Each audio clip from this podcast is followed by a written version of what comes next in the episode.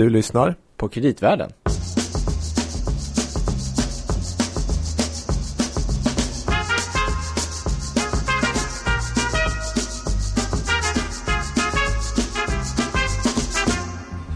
Åh, jag känner mig så laddad Louis. Gör det det? Ja, men jag känner mig, Kul. den här eh, euforin, du vet, framtidens internetuppkoppling och alla nya affärsmodeller. Du tänker att internet är framtiden? Jag lever mig in i 1999. Mm. Ja, för det var där vi slutade Ja, senast det var det. Mm. Det var mycket optimism på den tiden. Ja, verkligen. Och höga börskurser. Precis. Stora förvärvssummor. Men först, du heter eh, Gabriel Bergin. Ja, det stämmer. Och du heter Louis Landeman. Ja. Mm. Danske Bank. Kreditanalys. Ja. Bra. Ska vi fortsätta att prata om vad som hände med WorldCom då? Kreditvärldens exposé över ett av IT-yrans stora uppgångar och fall. Ett, en av USAs största konkurser. Det skulle också. det visa sig bli. Just det. Mm. Men nu gick du lite händelserna i förväg. Ja, faktiskt. Som vanligt. Jag kan inte hålla mig. För när vi slutade så berättade du att eh, WorldCom eh, hade tänkt gå ihop med Sprint Ja, för 130 Exakt. miljarder dollar. precis. Mm. Och om det här skulle ha gått igenom, då skulle de ha blivit större än AT&T så man skulle ha liksom växt förbi dem där då. Men lite grann som en del sa redan när man presenterade det här, att myndigheterna var väl inte så väldigt förtjusta varken i USA eller till och med i EU då, för de hade ju mycket internationell eh, verksamhet. Så i juli 2000 så beslöt, ja, fick båda bolagen kom överens om att egentligen lägga ner den här sammanslagningen helt. Man fick backa. Och det är väl ungefär då som det också kommer att visa sig att eh, ja, men det, det finns inte så mycket kvar för WorldCom att köpa. Så man kan inte fortsätta att bli bara större och större genom förvärv. Nej. Helt enkelt. För att Mm. någonstans har man då kanske blivit för stor. Mm. Eller i alla fall så stor så att det inte går att fortsätta på den här expansiva vägen. Ja, det. Men, men inte mindre viktigt är ju att under den här början här första halvan 2000 det är också då som sentimentet på aktiemarknaden viker. Och istället för att liksom kunna nu, vi pratade ju om att de hade P på helt galna 90 gånger. Mm. Eh, nu börjar aktien att falla. Mm. Så jag tror att mellan januari till juli 2000 så halveras den aktiekursen ungefär. Okej. Och då Är, det, man... är det liksom i tandem med resten av de här Ja, det är det. Så att först, ja, både är det ju internetbolagen men sen så ska det också komma en andra våg och då är det liksom att man går hårt åt själva telekombolagen också. Då, så, att säga. så att egentligen är det en trend som börjar och sen så förstärks den egentligen mer och mer. Och här i Europa har vi ju också de här, man gjorde de här telekomaktionerna när man köpte väldigt dyra. För det är, också, det är inte bara internethysteri, det är även mobilhysteri som man kommer Mm. ihåg. Där var ju, kom ju WorldCom aldrig riktigt in på allvar. Man var en återförsäljare inom mobil. Mm. Men inte med någon lönsamhet utan snarare förlust. Alltså det var väl fortfarande där man skulle velat komplettera. Men, men den, det negativa där eh, kom även över så att säga. Ja, och de här stämningen. licenserna när man köpte så då började folk säga men vänta nu ni kan inte betala 50 miljarder dollar eller euro för att köpa licenser i Tyskland för mobiltelefoni. Någonstans är det här kommer inte att gå. Nej. Och så börjar man skärskåda de här affärsmodellerna och säga att det här Mm. eh, är tveksamt. Just det. Och när då inte, man inte har den här marknadstillväxten då kan man inte växa in i den här kostymen som man har byggt så att säga. Just det. Så Så det är stopp med förvärv helt enkelt? ja, men inte bara det då. För att det som ska visa sig är att Bernie Ebbers har ju för, eh, hela tiden haft en stenhård tro på, på WorldComs aktie. Han har varit fullinvesterad i den. Mm. Och då ska man komma ihåg att det finns ju många andra i bolagsledningar runt om här som i branschen där efteråt det visar sig att ledningarna eh, precis innan det kollapsar har sålt mycket av sina egna aktieinnehav och fått loss väldigt mycket pengar och blivit rika och samtidigt som bolagen kollapsar. Mm. Men riktigt så var det faktiskt inte med Bernie Ebbers. Vad han har gjort ska det visa sig då att han har köpt olika saker. Han har köpt en stor ranch, han har Mm. köpt skog, Mm. eh, olika fasta tillgångar. Inga fler motell? Nej, jag tror inte så mycket om hotell Nej. faktiskt. Men eh, då kan man tycka lite lustigt för att då skulle han ju kunna ha sålt av aktien och betalat eh, så att säga med aktien Mm. för de här sakerna han har köpt. kvar dem, ja. Mm. Nej, utan vad han har gjort då det är att han har alltså, belånat aktierna. Mhm. Vilket eh, är ganska riskabelt. För att då, då uppstår de här, såna här margin calls Mm. från bankerna här nu när aktien börjar falla. Att du måste stoppa in mer pengar för att täcka den här säkerheten. Mm. Skulle han ju också kunna sälja av tillgångarna kan man ju tycka. Mm. Men det vill han inte heller för då Nej. tycker han att nej men jag har inte fått något tillräckligt bra Eller sälja av aktier. Men, Ja, eh, någon, någon av delarna Ah. kunde ju varit bra. mm.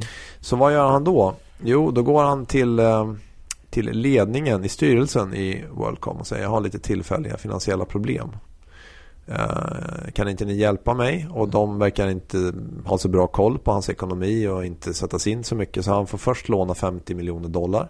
Okej. Mm. Sen får han Från låna, Worldcom då alltså? Sen fortsätter aktierna falla. Ja, precis. Sen får han låna 25 till. Mm. Ehm, och så här lite grann fortsätter det då. Och i november 2000 då tvingas han efter, även om Q3-rapporten har varit i linje med um, förväntan, vilket det här kommer vi tillbaka till. Men då han sänker sin guidance, eller bolaget för, för kommande året och då faller Worldcoms aktie ännu mer. Um, och vad gör han då? Ja, han har i sin gamla strategi här att vara inne och peta med kostnader. Så han säger till alla anställda att de ska sluta göra färgkopior. Och sen så är det också slut med gratis kaffe. Okej. Ja, det här blir folk väldigt arga över. Ja. Skulle jag också bli det. Att få ja. gratis Mm. Det är en stor grej. Mm.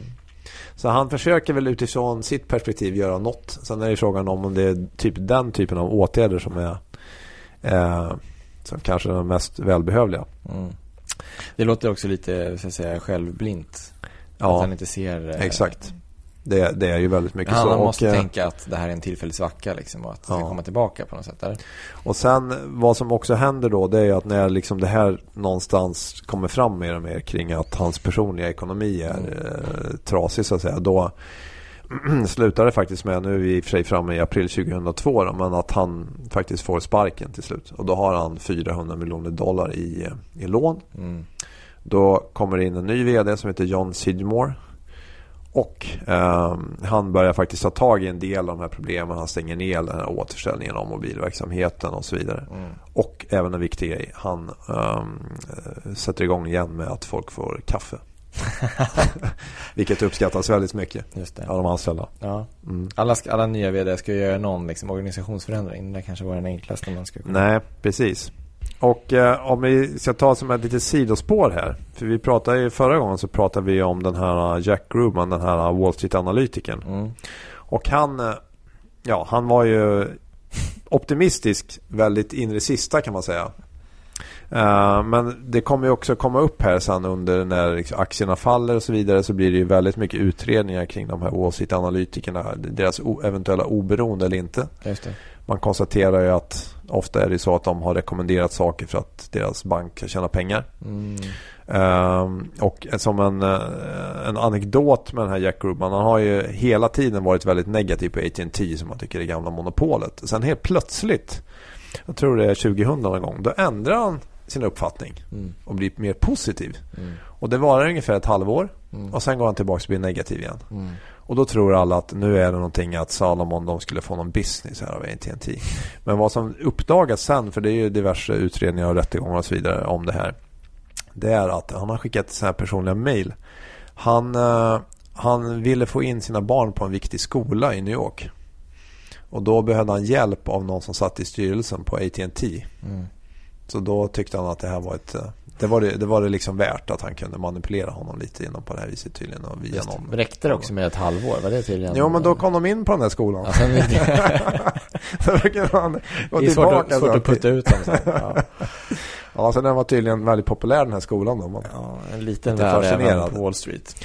Men så att för hans del så slutade ju det hela med någon form av settlement. Jag tror att om både han och Salomon betalar så jag tror han får yrkesförbud. Men han kommer ju...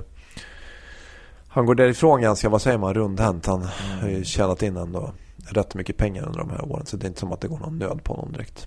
Men hela, man ska säga hela Wall Street eh, analytikerkåren blir ju väldigt granskad och ifrågasatt efter den här tiden. Ja, men alltså vi, Med även all de, rätt ska väl sägas. ja, även om inte alla så att säga eh, mutade skol, eh, skolstyrelsedirektör eller skolstyrelsemedlemmar så kanske en alla rycktes ju med, de flesta rycktes med. Det var Ja. inte jättemånga som var contrarians under den här perioden. Eller? Precis, precis. Men eh, om vi då backar tillbaka till för att uppenbarligen får Worldcom problem. Men då är det så här att vad som kommer att uppdagas så småningom här det är att bolaget har även fuskat med sin redovisning. Och det här är ju någonting som då bidrar eller påskyndar fallet kan man säga. Mm. Och det är väldigt intressant att se hur gick det här till. Ehm, och då var det så här att det var då lite grann lett av den här finanschefen som heter då Scott Sullivan. Sen så fanns det några i hans team. Som hette, en som hette David Myers som var controller och en som hette Buddy Yates. Han var också på accounting då. Eh, och ett par till. Den här David då, som rapporterade till Scott, han kom i oktober 2000 och så sa han att våra kostnader, för vi leasar kapacitet, mm. uh, de är ungefär 100 miljoner för höga. Vi kommer inte klara vår guidance här i Q3. Uh, och Scott uh, Sullivan han var så här, det här kan inte stämma. Det måste vara något fel på de här mm. siffrorna. Och de uh, går tillbaka och kollar. Han kollar igen, nej men det, det, det, är så, nej men det måste ändå vara något fel. Då säger Scott till de här då, i accounting-teamet att nej men ni, ni får fixa det här för att vi, vi måste liksom reda ut det här men vi kan inte komma ut med den här eh, dåliga siffrorna för Q3 här. Nej. För det kommer inte Wall Street att gilla. Så han säger till dem, ändra siffrorna. Mm.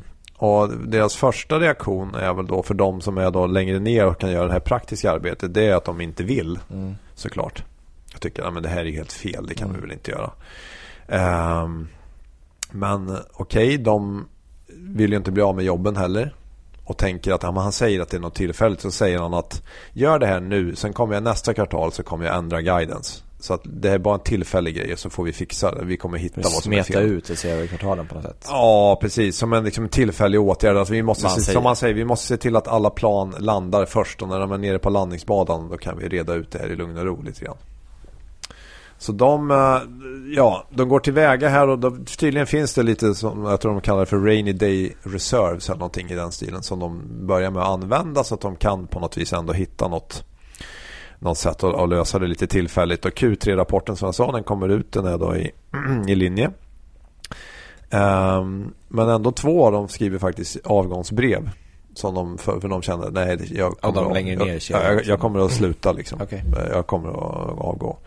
Men um, de avvaktar, avvaktar och ser om Scott ska infria sitt löfte. Och det gör han faktiskt i november. Då, då sänker, de, sänker han guidance. Och då känner de, om det gjorde han ju ändå det. Han sa ju att han skulle sänka mm. guidance. Men tyvärr visar det sig att det inte är tillräckligt. För sen i Q4 så är det precis samma sak.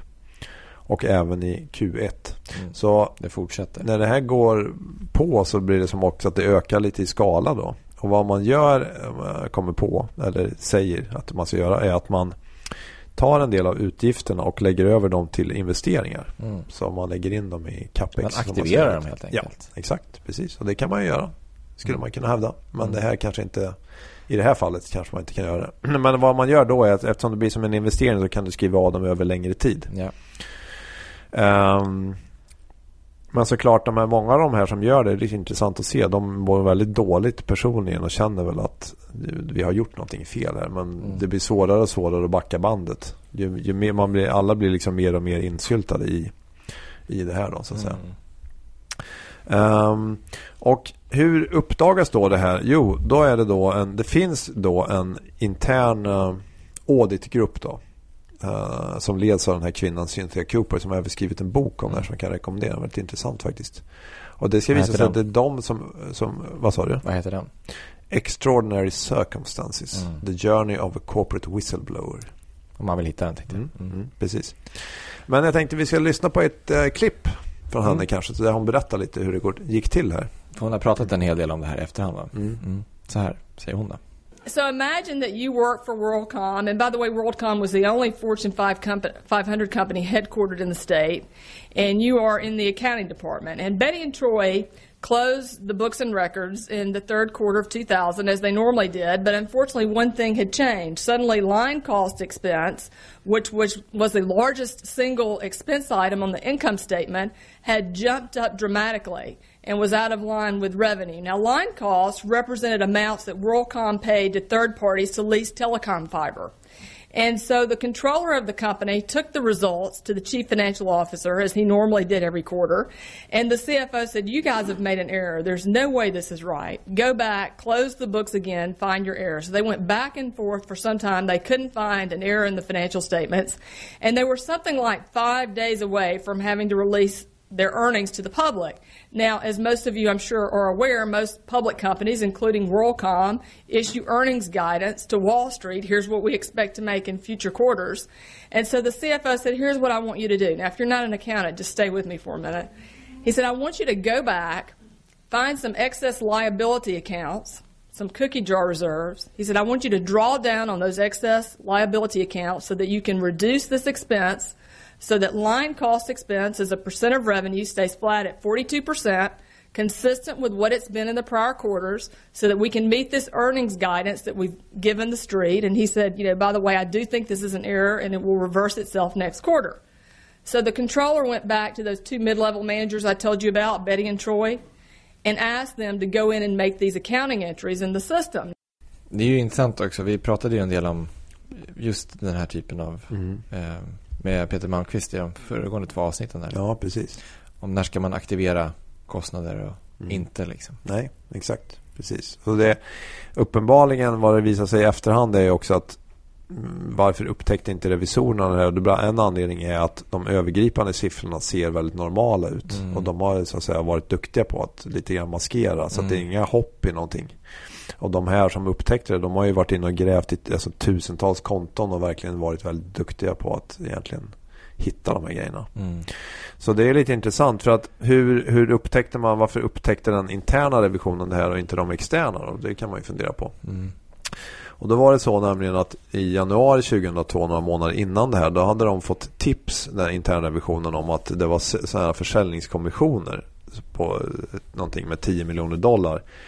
Eh, där man sa att någon hade tipsat om att interna försäljare hade liksom eh, utnyttjat det här. Att det var så mycket olika system i bolaget och kunnat flytta pengar mellan olika källor och betalat ut högre provisioner än vad de skulle få. Just det. Egentligen som ett Mm. sorts svindleri.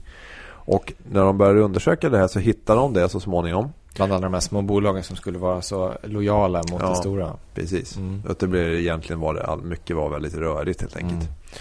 Mm. Eh, men då konstaterar man att Arthur Anderson som då var rev- revisor som borde ha upptäckt det här. Känner igen det namnet? Känner du kan igen komma det, tillbaka till det. Mm.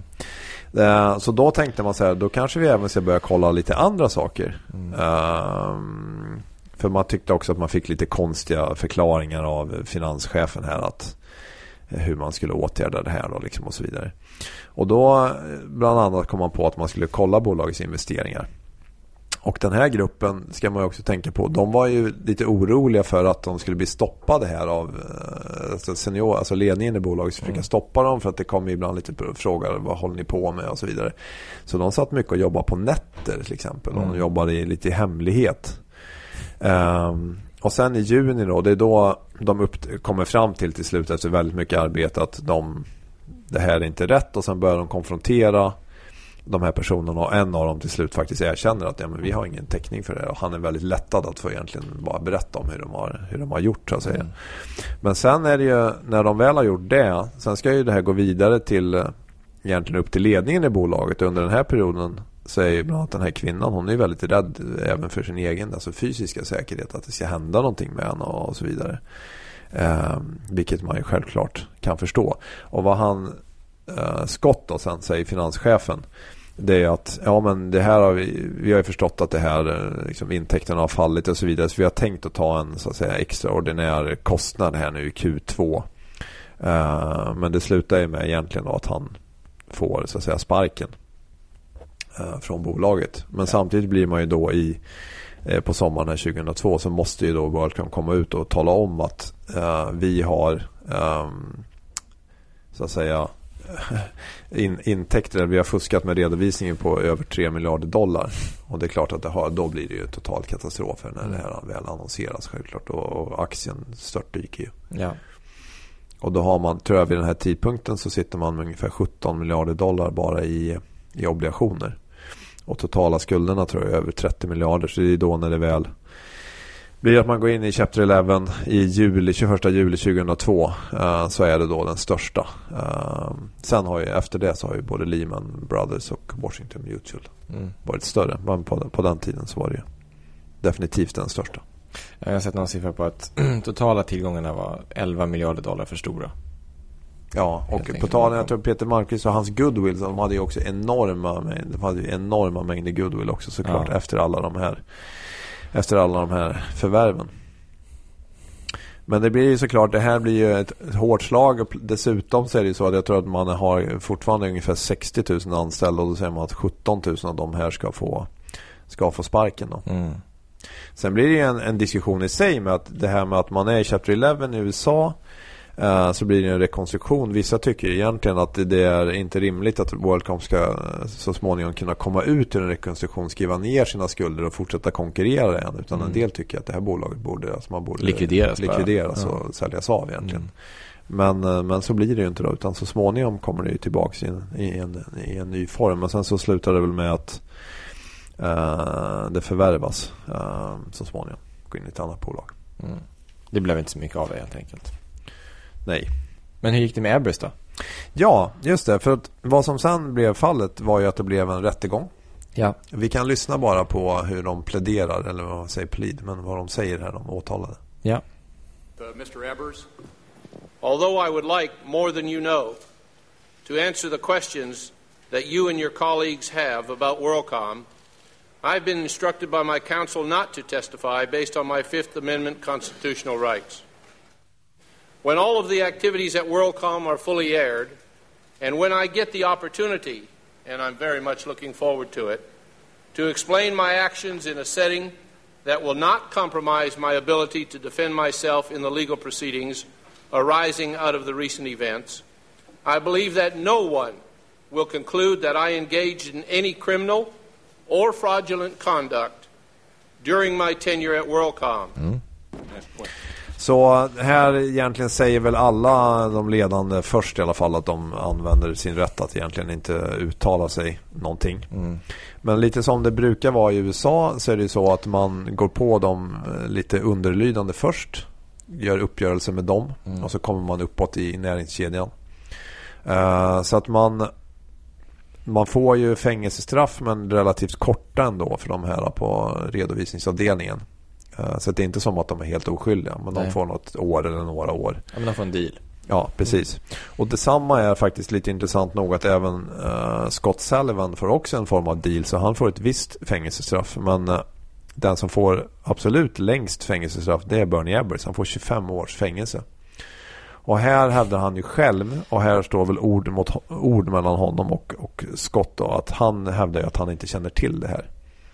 Vilket Alltså redovisningstrixandet. Ja, exakt. Mm. Um, och då säger Scott Sullivan att det är inte sant. Han säger att i princip att Bernie Ebbers har väl sagt att ni, ni måste, uh, vi måste de här vi måste leverera siffrorna eller något sånt, i den ja. stilen. Och sen har väl Scott Sullivan tolkat det som att han måste göra det som måste göras lite grann. Men det är Sullivan som egentligen gått sen till redovisningsavdelningen och fått dem att göra de här ändringarna. Liksom. Ja, exakt. Någonstans. Så att någonstans kan man ju tycka att han kanske borde haft möjligen ett längre straff. Men visst, samtidigt ska jag väl säga så att det känns väl tveksamt att Bernie Ebbers skulle vara liksom helt oskyldig också. Nej, men han sitter fortfarande i fängelset med andra ord.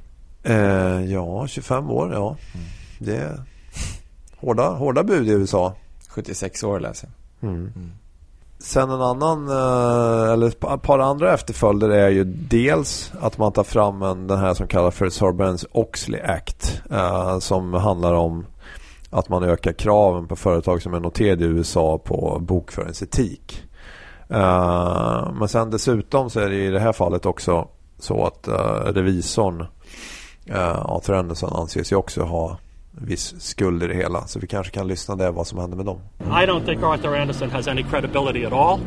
I think they have widespread culpability uh, for uh, this uh, enormous system of uh, false filings and even fraud in all these cases, uh, to- totaling them together, that produced enormous damage to tens and tens of thousands of Americans who lost their jobs and pensions, and to millions of Americans who lost uh, share value because of the frauds.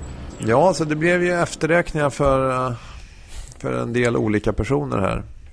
Eh, men jag tänkte att det är ändå intressant för att hon, Cynthia Cooper som avslöjade det hela, hon har ju pratat själv om det här med att vara, hon hade ju inte tänkt på det själv men att hon blev den här så kallade whistleblower, att hon var den som liksom avslöjade. Så blev hon ju med det väldigt känd och omskriven. Ehm, även tror jag internt eh, många alltså, kritiserar som man tycker att man skulle kunna tycka att alla tycker att, eller skulle säga att hon är en hjälte men Snarare tror jag att hon upplever något som många sådana här whistleblowers berättar om. Att man känner sig väldigt isolerad och väldigt stressad. Att man inte vill bli den här offentliga personen. Att det är, sen att man kanske måste ta mm. den rollen. Mm. Men det är inte någonting man gör med glädje. Nej, men någonstans, hon gjorde väl också sitt jobb. Alltså, är det någon som Absolut. ska vara en whistleblower per definition så är det väl internrevisionen Ja, på något sätt. absolut. Mm. Men det är ändå en intressant reflektion just att hon, hon, hon säger ju också det, jag ångrar mig inte men samtidigt det har ju... Ja, det var tufft liksom. Det är tufft, ja precis. Mm. Men sen har hon ju som sagt varit ute och föreläst mycket och pratat om etik och moral. Det tycker jag är rätt intressant att fundera på det här med att vi alla i vår vardag kan, hon brukar säga att man kan ha olika etiska dilemman och de kan vara små och de kan vara stora. Det kan Mm. handla, ska jag fuska på ett prov eller ska jag lämna tillbaka den där sedeln jag fick i snabbköpet som jag fick för mycket Mm. eller inte. Att, och Mm. alla de här valen någonstans är det lite grann de som formar oss Mm. som människor och att de här personerna som i det här fallet som gjorde det som man säger, det är väldigt vanliga människor. De här Mm. redovisningsavdelningen barnfamilj, de är familjeförsörjare och känner att eh, de inser att det är fel men samtidigt så tänker man att jag har inte råd att förlora jobbet, det är inte så lätt att få nya jobb på den här orten och så vidare. Och så gör man saker man inser så småningom att det var fel val. Mm. Och att vi bör alla bli duktigare på att kanske försöka tänka efter och våga lita på våra instinkter brukar man prata om. Mm. Så jag tänkte Gabriel, kan vi inte avsluta med att lyssna på några av hennes visdomsord? Gärna. Och sen så skulle vi ju efter det kunna höra hela den här Landeman Svensson låten. Vad tror du om det? Perfekt. Jag tror inte att det finns någon som vill något annat än detta. Just detta nu. Inte vi i alla fall. Nej, jag tror inte, jag, jag tror inte vi behöver säga mer. Men jag tror att man, de här eh, lärdomarna som man kan dra av Worldcom eh, säger sig själva. Och särskilt Mm. när man lyssnar på Cynthia liksom. Och Kanske också att det finns ingen Askungehistoria. Som det, Nej. också lärde oss av Marcus. Det finns ingen riktig Askungehistoria det är för bra för att vara sant. Nej, lite så. Om man ser ett P tal på 90 så kan man fundera så på tänker man köp. strong, strong buy. Jaha. Ja, De just andra det. säger ju det, så att det måste vara bra. Precis. Mm. Så för tydlighets skull avslutningslåt idag Bye Bye Welcome MCI med Landeman Svensson producerad av Marcus Siskar och eh, lägg särskilt märke till Finansvalpen som dyker upp där några gånger. Hej då, Louie. Gabriel, tack ska du ha. Hej. På återhörande. But when you stop and think about it, we're all faced with ethical dilemmas every day. And, you know, I'm convinced that character's not forged at the crossroads of some major decision that we make in life. In fact, I believe that character's built uh, decision by decision, laid brick by brick throughout our lives. And I tell these young people that, you know, it, look, people don't wake up and say, hey, I think I'd like to become a criminal today. Right? Or at least most people don't. Does anybody want to become a criminal? I mean, that's, you know, that's usually, we know that's usually not the way it happens, right? I mean, it's that slippery slope, and people start to push their ethical boundaries, and those decisions that may have once seemed black and white in our minds really begin to sh- uh, fade to shades of gray, and that's what you'll you'll find in extraordinary circumstances. You will see that there were some good people in this story who made some very bad decisions.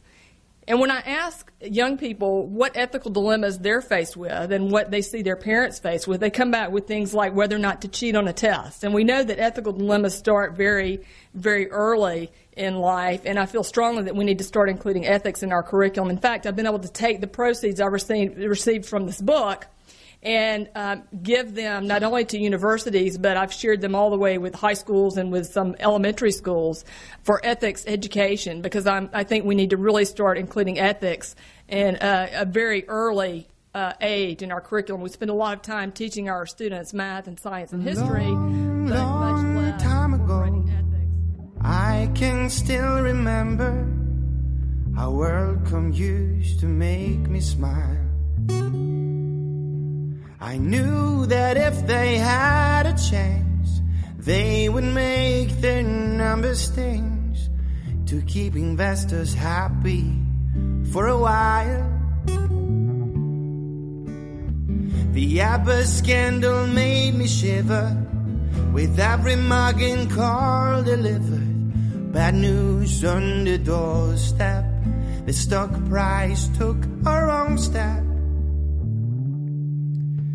I can't remember if I cried when I read about the market slide. Something touched me deep inside that day. That word come died. So bye bye WorldCom MCI. Was heavy when the stock was still high. Now Wall Street boys got a poke in the eye, saying this is what you get when you buy. This is what you get when you buy. Did you cook your box with fluff? And do you believe If accountants tell you so. Now do you believe in bought and sold king? Are that save your corporate soul and can teach you how to count real slow? Well, I know your profits pretty thin, and we all must take it to the chin. We all now have the shoes. We have the shoes who'll be the first to choose. Yeah, oh, I was a working guy who had a buck with some shares of stock, but who gives a fuck? But I